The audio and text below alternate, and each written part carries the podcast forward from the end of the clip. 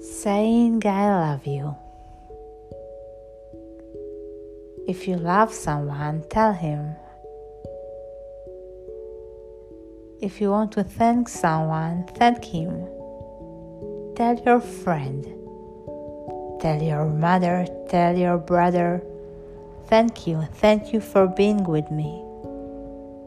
If you love someone, tell him, I love you. I will do anything for you and do anything for him. Cherish your friends, cherish your family, cherish your beloved one, and say thank you and I love you.